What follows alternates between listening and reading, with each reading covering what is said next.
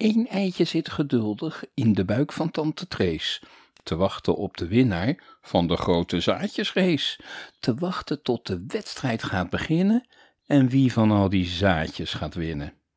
De zaadjes zitten samen in de ballen van oom Bart, te wachten op het teken dat de wedstrijd is gestart. Nog even, dan vertrekt de hele horde. Olé, olé, olé, wie gaat het worden? Klaar voor de start, daar gaan ze, wat een spanning, wat een strijd. De snelste duizend zaadjes zijn het peloton al kwijt. Zij weten hoe belangrijk het begin is. Wie gaat er straks als eerste door de finish? De weg is lang, de strijd is zwaar, de meerderheid geeft op. De sterkste zeven zaadjes gaan uiteindelijk op kop. De spanning stijgt, want niemand wil verliezen. Nu krijgen ze het eitje in de smiezen. Ze trekken nog een allerlaatste sprintje en jawel, daar zijn ze bij de finish.